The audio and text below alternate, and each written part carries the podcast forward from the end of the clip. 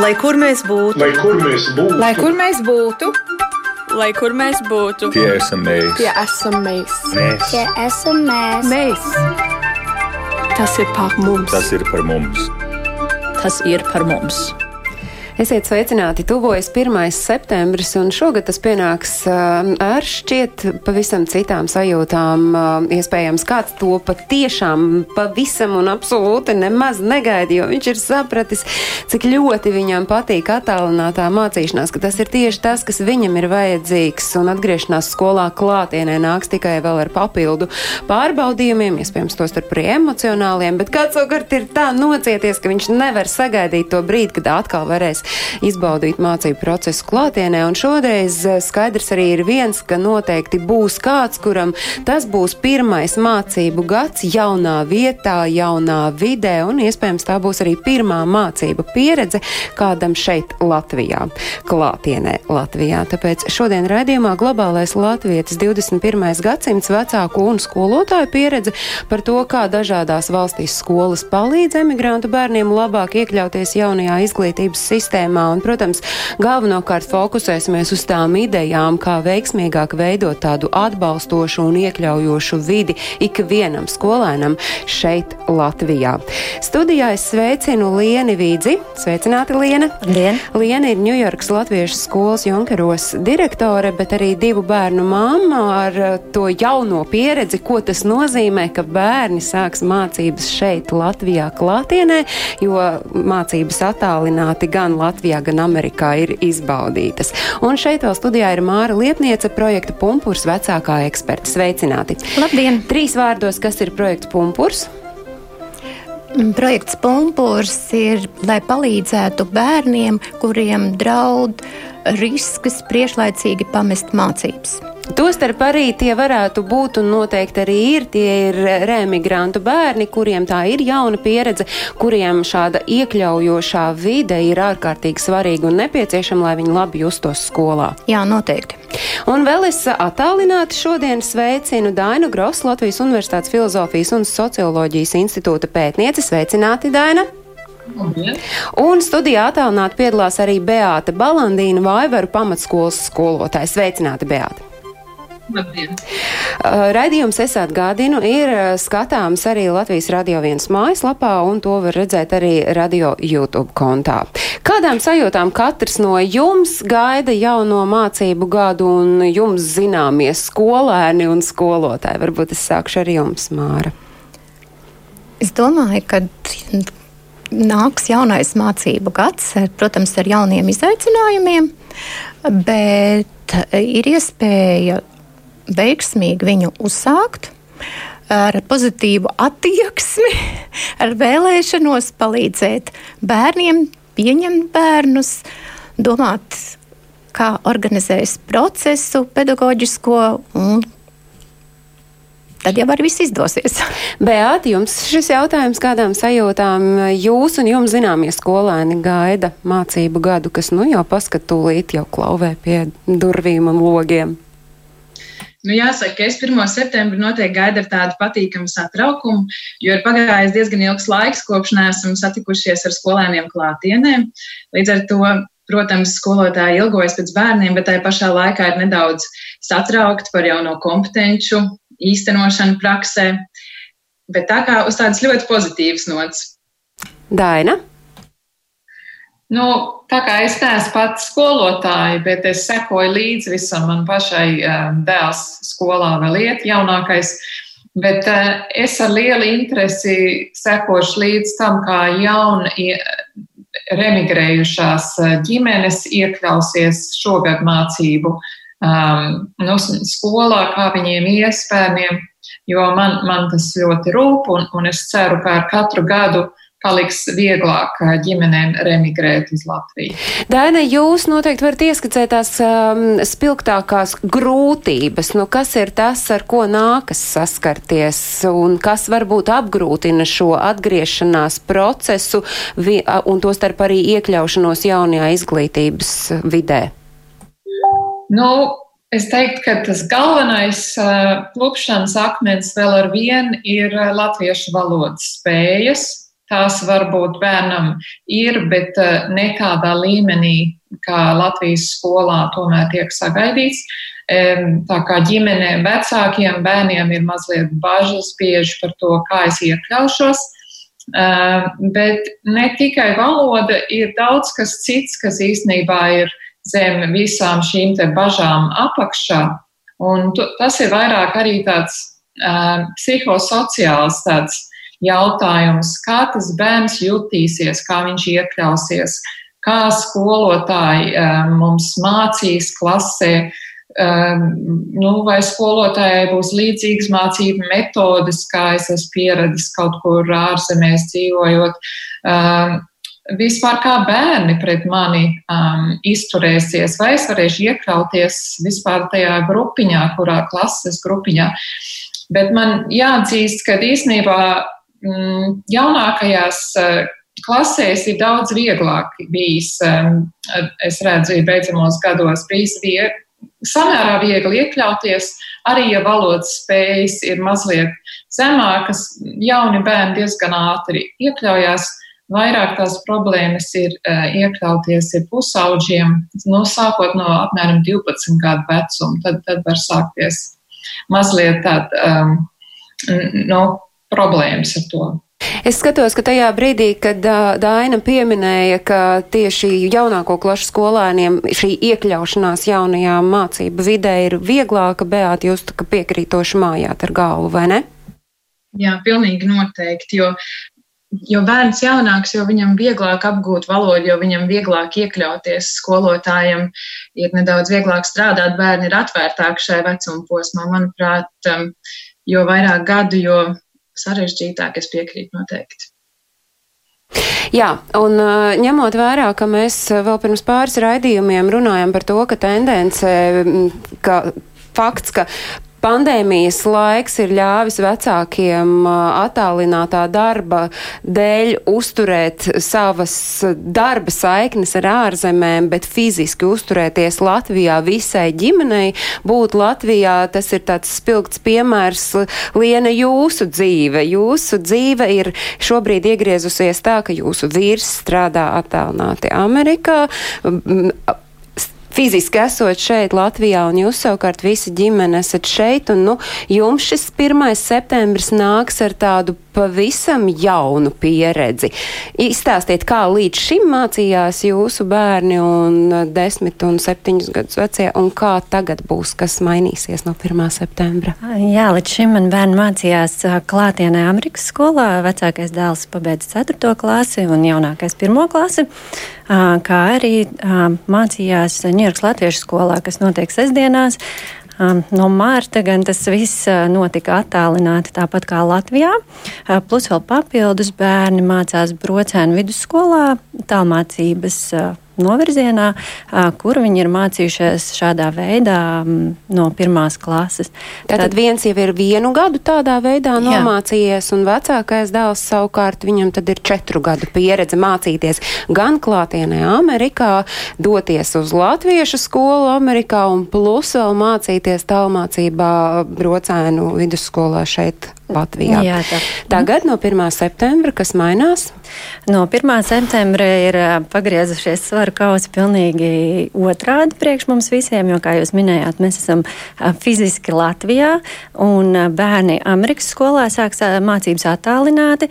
Um, jo mums skolas deva tādu iespēju izvēlēties, vai mēs pavadām klātienē divas dienas nedēļā, vai arī mācāmies attālināti. Un, tā kā bērniem bija šī brocēna skolas pieredze, um, Un, manuprāt, iespējas šobrīd tiešām ir ļoti daudz, un, un, un skolas ir pretīm nākošas. Tad šogad bērni sāks klātienē skolu, skolā, privātskolā patnis un mācīsies attālināti Amerikas skolā. Nu, burtiski dažas dienas līdz 1. septembrim. Kā jūsu bērni, nu, kādām sajūtām viņi gaida šo 1. septembri? Kas ir tās viņu bažas un varbūt kas ir tas, par ko jums kā mammai ir mazliet jāsatraucas? Teiksim tā, kā jau jebkuru 1. septembrī bērni gaida ar sajūsmu un nelielu satraukumu, protams. Kā pozitīvo aspektu es gribu minēt to, ka mēs esam bijuši visu vasaru Latvijā, un tās iespējas ir bijušas diezgan daudz komunicēt gan ar pedagogiem, gan ar bērniem, Latvijas bērniem ko mēs arī esam veiksmīgi, manuprāt, izmantojuši, jo bērni ir piedalījušies vairākās dienas nometnēs un pabijuši, pakomunicējuši. Līdz ar to. Mm, Pirmkārt, mēs esam ļoti pateicīgi, ka šāda iespēja ir bijusi, jo viņiem ir bijusi iespēja izmēģināt, kā tas ir. Um, manuprāt, līdz šim ļoti veiksmīgi, un abi ir apmierināti. Protams, vecākiem dēlam ir nelielas bažas par tādu vai citādu mācību procesu, bet es domāju, ka viss nokārtosies. Jūs pirms raidījuma minējāt, ka viņam, piemēram, ir satraukums par matemātiku, jo šis ir priekšmets, kas nu, nedaudz atšķirs no tā, ko viņš un kā ir apguvis Amerikā un ko un kā viņš var sagaidīt mācību procesā šeit Latvijā. Jā, protams, ka bažas viņam ir, jo viņam ir ar ko salīdzināt, jo, teiksim, gan Latvijas metodas, Latvijas skolas, kas ir no brocēniem bijušas, gan arī Amerikā šīs pieejas metodas nedaudz atšķirās, kā arī ceļi, par kādiem bērni aiziet līdz tam rezultātam, atšķirīgi ir un prasības. Tā tad arī, protams, ka tas viņu nedaudz satrauc, jo viņam šķiet, ka matemātika ir augstākā līmenī tomēr Latvijā, un tagad viņam būs klātienē ar to jātiek galā. Jā. Bet jūs savukārt, Māra, domājat, ka iespējams pat klātienē, nu, tā kā lai nomierinātu satraukumu, klātienē iespējams, ka tas mācību process varētu ritēt raitāk, jo tur ir pretī pedagogs, kurš tad kaut ko nesaprotot var paskaidrot skolā skolēnam? Jā, protams, es domāju, ka klātienē, protams, ka tas var būt vieglāk, jo te var skolotājs gan stundās sniegt individuālo atbalstus uh, skolēnam, ja, vai arī pēc stundām sniegt konsultācijas. Uh, ir iespējams arī izstrādāt individuālo izglītības programmas apgūves plānu, tieši uh, konkrēti izējot no tā, kādas ir šī bērna zināšanas. Jo, principā, lai izstrādātu šo individuālo izglītības programmas apgūves plānu, uh, vispirms izvērtē bērnu stiprās puses, to, ko bērns prot, ja, arī tādā pašā matemātikā. Tātad, ko viņš var, cik viņš daudz ir sasniedzis, ja, un, un skolotājam būtu jāsaprot, ka no tās vietas, ko viņš var, viņam jāvirzās tālāk solīt uz priekšu. Un ļoti bieži ir tā, ka to ļoti ātri tas bērns uztvers. Ja? Tur tas ir tā, ir tā individuālā pieeja, tā iekļaujošā izglītība, par ko mēs runājam, ko jaunais projekts. Arī kompetenci pieeja mācības saturā, kur arī e, tiek runāts par to, ka e, izējot no bērna vajadzībām, ja, no, ko viņš var izdarīt, ja, cik viņš daudz var un plānot, atteikties skolotājiem tikai no frontālā darba, ja, ta, organizēt darbu apakšgrupās, izvirzīt atbilstošus uzdevumus. Es domāju, Atklāj, kas ka... ir frontālais darbs? Frontālais ko, darbs ko ir tas, kas frontālais darbs ir tā kā kādreiz arī es arī mācījos, un vēl aizvien skolotāji, ka skolotājs stāv pie klases priekšā un sniedz zināšanas, un bērni klausās, pieraksta. Ar cerību, ka bērni to visu uztver. Bet, bet es domāju, ka tā vairs nav. Iekļaujošā izglītība, ko tas nozīmē un ko mēs ļoti bieži ar to saprotam un iespējams pārprotam ar šo mm -hmm. vārdu savienojumu? Uh, Latvijā ar iekļaujošo izglītību uh, biežāk saprot uh, speciālo izglītību, bērnus ar speciālām vajadzībām. Uh, bet nebūtu tie nav bērni tikai ar speciālām vajadzībām. Tie var būt šie uh, mazākumtautību bērni, bērni, kas ir reemigrējuši uz Latviju, atgriežušies Latvijā, vai bērns, kam ir kā, mācību grūtības kādu dažādu iemeslu dēļ, ja? vai viņš ir sporta, sportojis, nav, ir kavējis skolu, vai viņš ir bieži slimojis, viņam arī kādā priekšmetā var būt grūtības, tad, tad tas ir bērns ar, ar mācību grūtībām, vai iekļaujošo izglītību, ja mēs runājam, mums ir jāatcerās, ka mums ir arī ļoti um, talantīgi bērni, apķērīgi bērni, bērni, kur arī jādod viņiem ir sarežģītāki uzdevumi, lai viņiem arī būtu interesanti mācīties. Un tas, tā ir iekļaujošā izglītība. Paliekot pie iekļaujošās izglītības un vēl šo individuālo mm, atbalsta plānu bērniem izstrādāšanas, kurš uzņems to atbildību, kurš izvērtē, kā izvērtē un vai visi skolotāji arī šos plānus var un izstrādā? Mums Latvijā ir tagad divi veidi tie plāni. mums ir individuālais izglītības programmas apgūves plāns, kas tā kā domāts ir obligāti bērniem ar speciālām vajadzībām. Bet tas nenozīmē, ka to skola nevar pieņemt lēmumu un izstrādāt arī citiem bērniem. Ja? Proti, tas ir skolas lēmums. Tas ir skolas lēmums. Skola... Jā, bet bērniem ar speciālām vajadzībām tas ir obligāts, jo tas ir noteikts normatīvos nu, dokumentos. Brīdis, modelējam situāciju atbrauc uz klasi skolēns, kurš nekad Latvijā nav mācījies.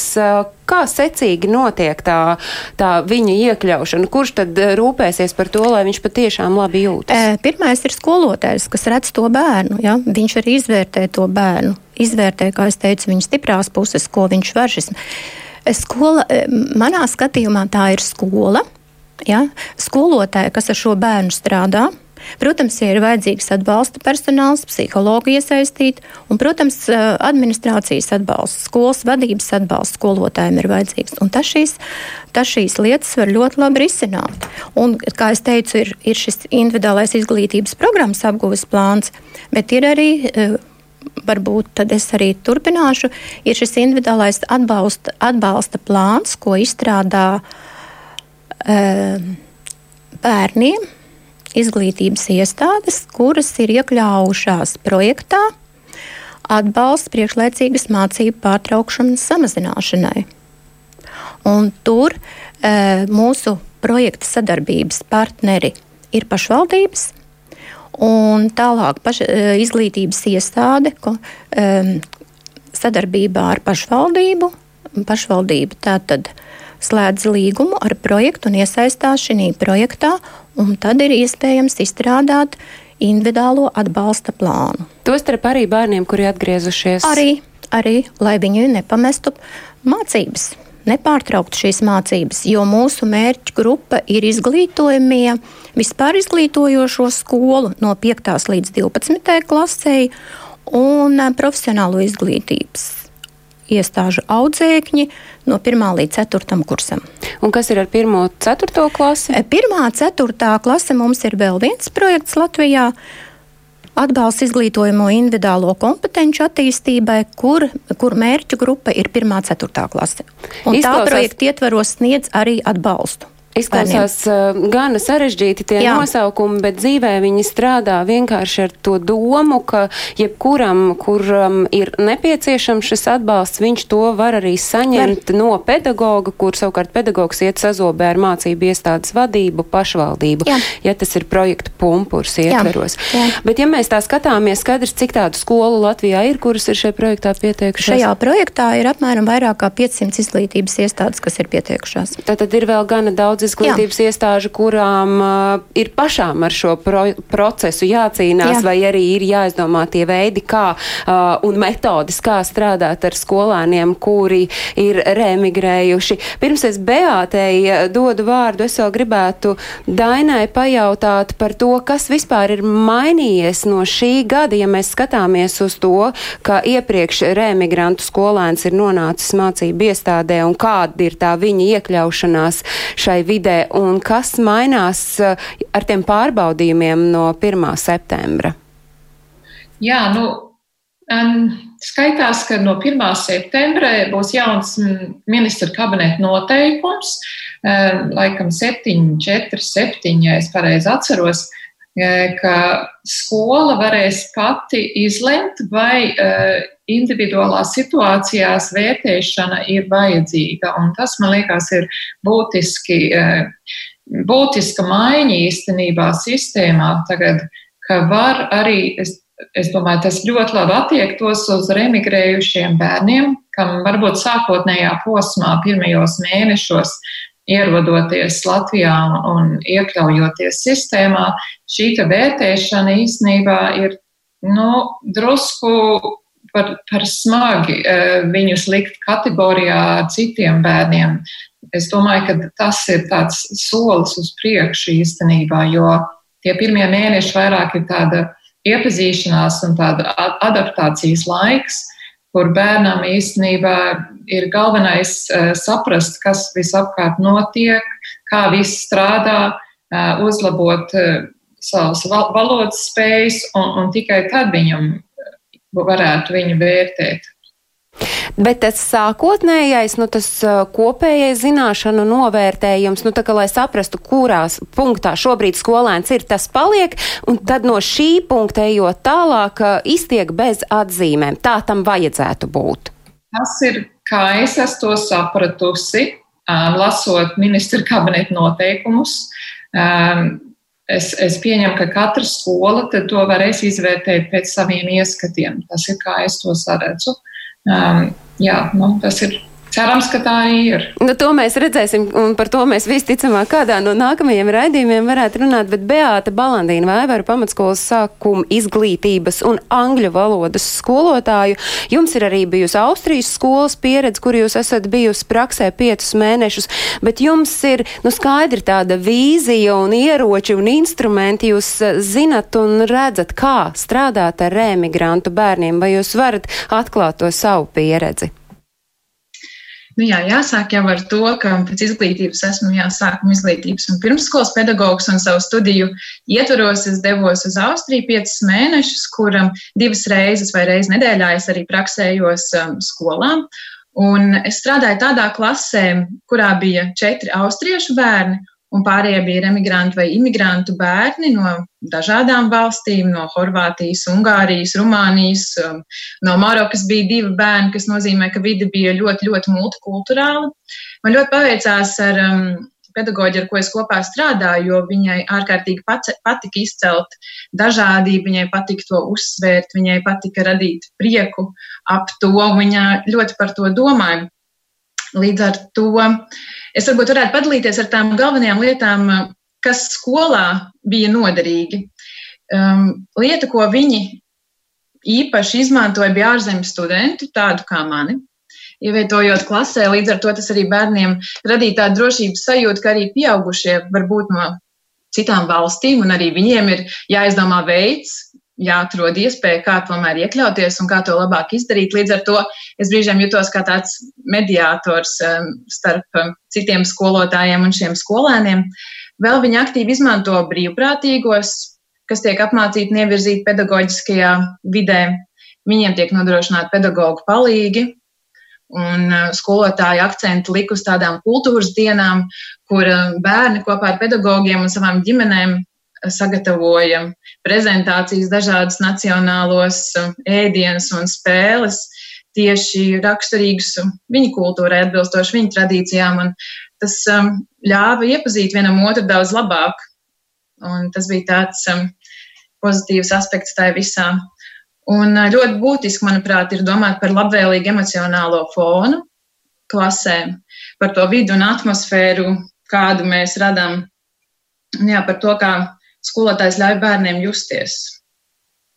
Te uzreiz es arī iesaistu Lieni, jo jums jau arī ir precīzi tieši tā pati pieredze. Jūsu bērni mācoties Amerikā skolā bija tur sveštautieši. Kā viņi tika iekļauti un integrēti šajā mācību procesā, un vai tas, ko viņi tur ir izbaudījuši, viņiem varētu palīdzēt savukārt atkal šeit Latvijā iekļauties?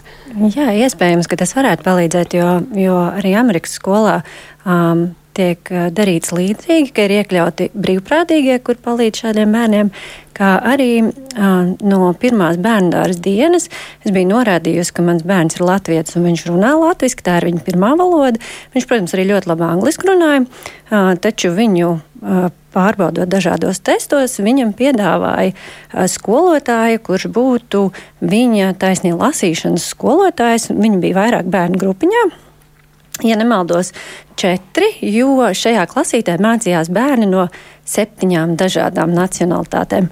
Un šiem četriem bērniem bija norādīts, ka viņu uh, angļu valoda nav viņa dzimtā valoda. Um, tas noteikti viņam ļoti, ļoti palīdzēja, jo nu, no tās dienas viņš ir vislielākais lasītājs un ar interesi tieši, tieši lasīt. Un es domāju, ka šis skolotājs arī veicināja to. Un savukārt jums, kā vecākiem, tas jūsu nu, nezinu, ieguldījums vai, vai bērna motivēšana, cik tam ir liela loma? Jo skaidrs, ka skola viena pati tāpat neizdarīs. Tam ir jābūt tam eh, nezinu, svētajai trīsvienībai - skola, vecāki, skolas vadība un, un, un, un pašvaldība mūsu gadījumā noteikti arī. Bet tā jūsu vecāku rīcība? Protams, ka tas ir, tā, tā ir trīspusēja sadarbība, un, kā jau es minēju, mani abi bērni runāja angļu valodā, jo zinot to, ka viņiem būs jāiet skolā, mēs viņus arī uz to trenējām.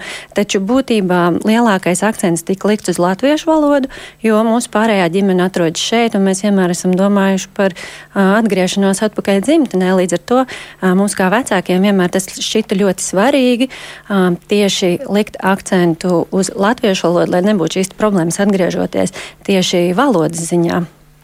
Mm, arī bērniem um, bija iespēja šogad uh, Latviešu skolas ietvaros kārtot attālinātu valodas pārbaudījumu, uh, kur jau tad pēc līmeņiem novērtē viņu spējas gan runāt prasmē, lasīt prasmē. Un kā tas notika? Un tā ir tāda arī jauna pieredze, kas ir uh, Latviešu skolās citvietā arī ieviesta? Uh, jā, šoreiz gan Ņujorkas Latviešu skola bija pirmā, kas izmanto šo iespēju kārtot attālināt šo valodas pārbaudījumu. Es zinu, ka ļoti daudz Amerikas skolas to ir darījušas klātienē, uh, taču ar um, Amerikas Latviešu apvienības atbalstu, kā arī ar Dats Mažēks izstrādātu tieši attālināto uh, programmu bija iespēja likt uh, šo pārbaudījumu tiešsaistē un uh, veikt, veikt sarunas un pārunas. Un tas bija kaut kas jauns un interesants mums visiem, bet uh, rezultāti bija lieliski. Uh, tas tiešām ļāva apskatīt arī vecākiem, kur tad mēs esam nonākuši pēc attālinātās mācīšanās trīs mēnešu garumā.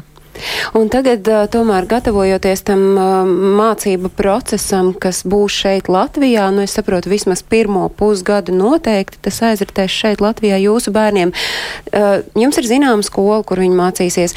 Kā vai, vai notika šī, kā mēs ar tikko ar Dainu runājām, šī šā brīža prasmju pārbaude, un vai jūs jau zināt, pirmajā pusgadā saņems atzīmes, jūsu bērni nesaņems. Nu, otrā klase tur jau ar tas vērtējums ir tāds nosacīts, bet eh, nu, jā, vecākās viņi, klasēs jau ir. Uh, teiksim, mūsu situācija varbūt ir nedaudz savādāk, jo bērniem ir bijusi E-klase no pirmās dienas, kopš viņi mācījās brocēnos.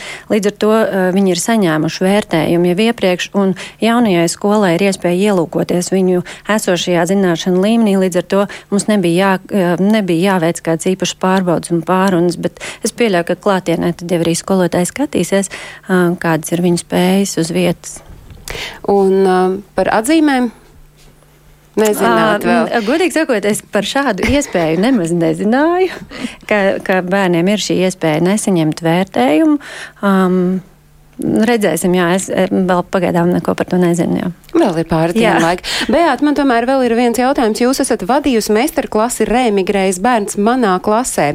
Uh, Kam jūs šo meistarklasi vadījāt, kāda bija tā atsaucība un, un vai jūs redzat, ka jūs ar to savu pieredzi un to, kā, kā jūs esat redzējis, kā labāk strādāt ar remigrantu bērniem, ka to uzklausa un ka pedagogi, jūsu kolēģi arī nu, mēģina iedvesmoties no jums un pārņemt šīs uh, mazās nianses ikdienā?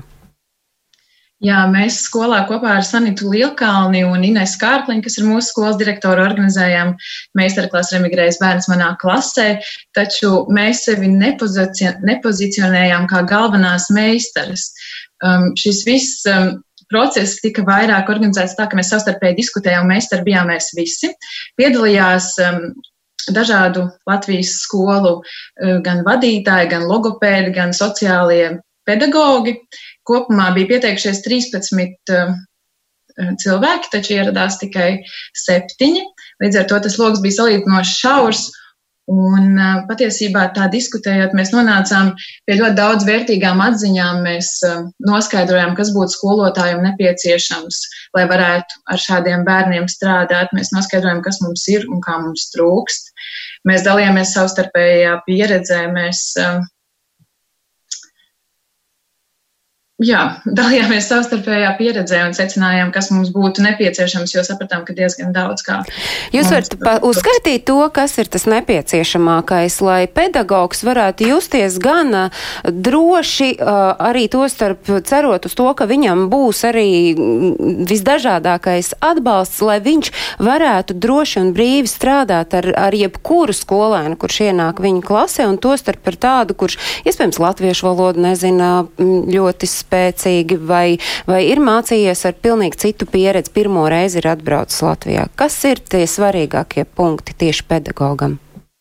Jā, nu, pirmā noteikti būtiskā lieta ir skolā vadības atbalsts. Vadībai ir jāsaprot pedagogs un, un, un jāmēģina pēc iespējas vairāk palīdzēt. Tas būtu pašvaldības atbalsts tādā ziņā, ka būtu nepieciešams piešķirt papildus stundas varbūt šādiem bērniem. Ļoti būtiska lieta ir pedagoga palīgs klasē. Jo nereti ir tā, ka skolotājs viens pats strādājot tīpaši lielā klasē nespēja mācību procesu organizēt pietiekami kvalitatīvi, un vēl, ja šis um, attīstības līmenis vai nu valodas attīstības līmenis ir ļoti dažāds, tad ir būtiski būtu piešķirt uh, skolotāju palīgu klasē. Un strādā, jā, Māra. Es gribēju teikt pedagogu palīgu pedagoģa palīgs. Es atvainojos.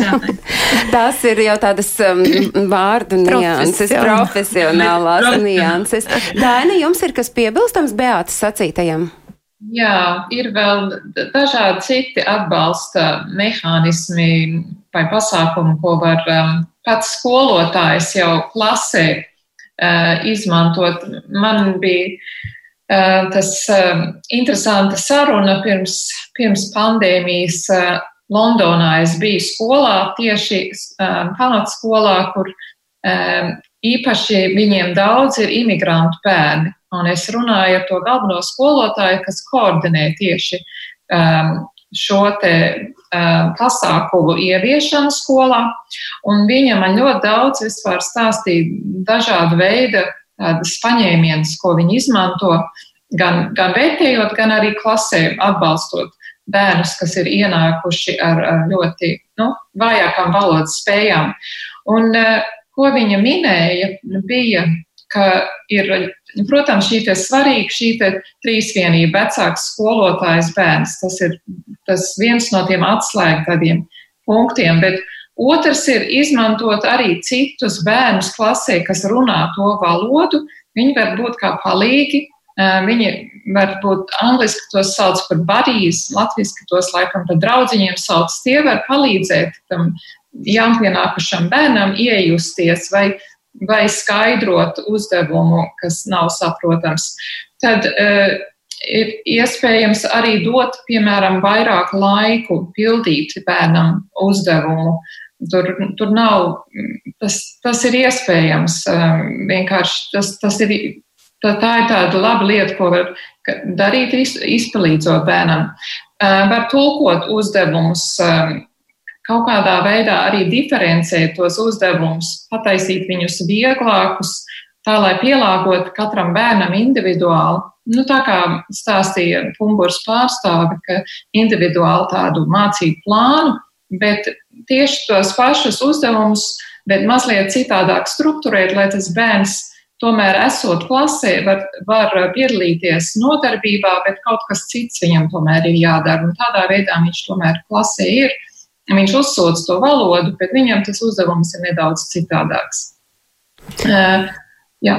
Jā, jūs uh, redzat, ka tas nu, tādā realitātē krietni labi strādā. Plus, uh, vai jūs piekrītat, ka arī šis skolēns varētu tikt iesaistīts, uh, nu nezinu, kādā no priekšmetiem, piemēram, ja tā ir angļu valoda, ko iespējams viņš pat zina maķenīt labāk par to savu pedagogu, nu vismaz sarunu valodas līmenī, varbūt gramatiku. Nē, bet kaut gan arī gramatiku. Ka pedagogs šo jaunpienācēju, nu tā kā nezinu, nezinu, ieceļ saulītē vai padara par savu labo roku, vai kā citādi izceļ to, ko viņš spēja un prot bēdi? Ja es varu piebilst, tā tieši izcelšana saulītē, tas ir tas, kas ļauj un liek justies labi, jo arī manā klasē ir emigrējis puika, un uh, tieši tas bija tas, pēc kā viņš ilgojās. Es atceros vienu no stundām, kad mēs caur Google Maps apskatījām vietu, kur viņš dzīvo. Mēs apskatījām viņa skolu. Tas vienkārši bija tāda sajūsma viņā, un tās ir tās lietas, kas viņam ļauj un liek uh, justies labi. Tas ir ļoti būtiski, un tieši tāpat arī angļu valodas stundās ļaut palīdzēt, ļaut ieņemt to skolotāju lomu un palīdzēt citiem skolēniem. Tas rada lielu gandarījumu un veicina tieši to piederības uh, sajūtu. Lienija, jūs savukārt atceroties to laiku Amerikā arī droši vien tas ir tas, kas ļauj viņam būt īpašam. Mēs runājam par to, ka ar īpašām vajadzībām, un te ir tās īpašās vajadzības, nu, nedaudz pārfrāzējot to izpratni, ko mēs saprotam ar īpašām vajadzībām. Ir jums kādi piemēri par šīm, kad, kad jūsu bērni ir jutušies īpaši, tāpēc, ka viņi ir latvieši? Jā, patiesībā, jā, tā ir. Viņi ir jutušies īpaši. Gan latviešu skolā mēs praktizējam tieši šo badīju principu, kad ir bērni, kas atnāk jauni un, un viņi, teiksim, ir attiecīgajā vecumā, lai mācītos kādā no klasēm, taču varbūt viņu valodas līmenis ir, ir um, atšķirīgs. Uh, tad mēs tieši bērniem lūdzam šo palīdzību, arī iesaistīties un, un, un dot šo atbalstu. Un tieši tāpat arī Amerikas skolā ir šis pats princips, ka um, ne tikai skolotāji palīdz, bet arī bērnam ir iespēja parādīt savas stiprās puses un, un, un tādā veidā izpalīdzēt. Neteikt priekšā, nē, bet tieši palīdzēt, paskaidrot. Un es domāju, tas arī trenē bērnos ļoti labas īpašības. Bet es klausos par to pedagoga palīgu. Cik tas ir reāli iespējams, nu tā jūsu pieredze skatoties uz to, un no kā tad tas ir atkarīgs atkal kārtējo reizi no skolas vadības? Projektā Pumpurs ja tās izglītības iestādes, kas ir iesaistījušās šajā projektā, viņiem ir iespējams šo pedagoģu palīgu nodrošināt, ko, kas, kas tiek atmaksāts, finansēts no projekta Pumpurs. Nu, un, uh, Kur... Un izstrādāts tam bērnam šis individuālais atbalsta plāns, kur tiek tiešām izvērtētas tās bērna, bērna stiprās puses. Ja? Un mums ir projektā vadlīnijās četras tās mērķa grupas, tie riski, četri riski, kāpēc varētu pārtraukt mācības izglītojamais. Un viena no tām uh, ir šī izglītības vide. Ja, un, un te arī tie bērni, kas ir atgriežušies Latvijā, uh, ja viņiem nesnieg, netiek sniegt šī palīdzība, ka tas īpaši vecākajās klasēs, kā jau minēja, ka sākuma skolas posmā bērni vieglāk to pieņem, tad sākot no piektās klases un tālāk, ja, ka, ka tas var radīt tādas emocionālas problēmas tam skolēnam, ja, un te tiešām varētu palīdzēt tie pedagoģi palīgi. Bet tie un, pedagoģi un, palīgi nāk no kādas vides un kurš un kā viņus atrod un piesaista pedagogiem? Tie ir pedagoģi, tur meklē izglītības iestādi savā pašvaldībā vai, mm, vai tie ir jauni skolotāji, varbūt, kas mācās, varētu piesaistīt, ja? vai arī tie, kas jau nestrādā, varbūt, ka tos varētu piesaistīt, vai kam ir mazākas slodze, vai no blakus pašvaldības. Ja? Bet to dara principā izglītības, izglītības iestādes izglītības vadība, iest, un, un, un savukārt pedagogi ir tie, kuri norāda, nu jā, man šķiet, ka man vajadzētu, es vienkārši domāju tehniski, kā tas notiek. Jā, e, skolot pedagogs ir tas, kas saredz, ka tam bērnam būs problēmas, jo viņš ja mēs runājam par šīm valodas prasmēm, ja, ja viņam būs grūtības arī citos priekšmetos, ja viņam šīs prasmes ir zemas, ja, tad te varētu būt šis pedagoģu palīgs vai arī e, sniegt viņam konsultācijas, mācību priekšmetu skolotājs, ja, e, individuāli palīdz ar viņu strādāt, lai viņam, viņš veiksmīgāk varētu tikt līdzi. Bet, e, Ko es gribu pateikt, es arī klausījos ja, par, par šo Amerikas pieredzi. Te arī var vilkt paralēlus ar šiem bērniem, kā jau mēs teicām, vai speciālām vajadzībām, vai īpašām vajadzībām, ar šiem, kas ir atgriezušies, ja kuriem ir valodas problēmas, ir iespējams uh, dažādi atbalsta pasākumi, ilgāks laiks, ja, atgādnes ja, vai lasīšana priekšā. Principā tas viss Latvijā ir, un skolotāji jau to izmanto. Es tikai domāju, ka varbūt šī brīdī. Uh, Es domāju, ka tas ir atkarīgs no skolotājiem, no viņa attieksmes, kad iespējas arī Latvijā ir. Nē, nu es jau klausos, un arī Dainā klausoties, es saprotu, ka gadu no gada, protams, tā situācija uzlabojas, un mēs arī darām, ko varam, Jā. lai šī situācija uzlabotos, lai iespējams kāds skolas vadītājs vai kāds no pedagogiem, kurš iespējams uz to bērnu, kurš atbrauc no ārzemēm, skatās kā uz tādu ārprāts, ārprāts, ko es ar to darīšu, patiesībā tie soļi jau ir tik vienkārši, tikai laikam vajag to gribēt.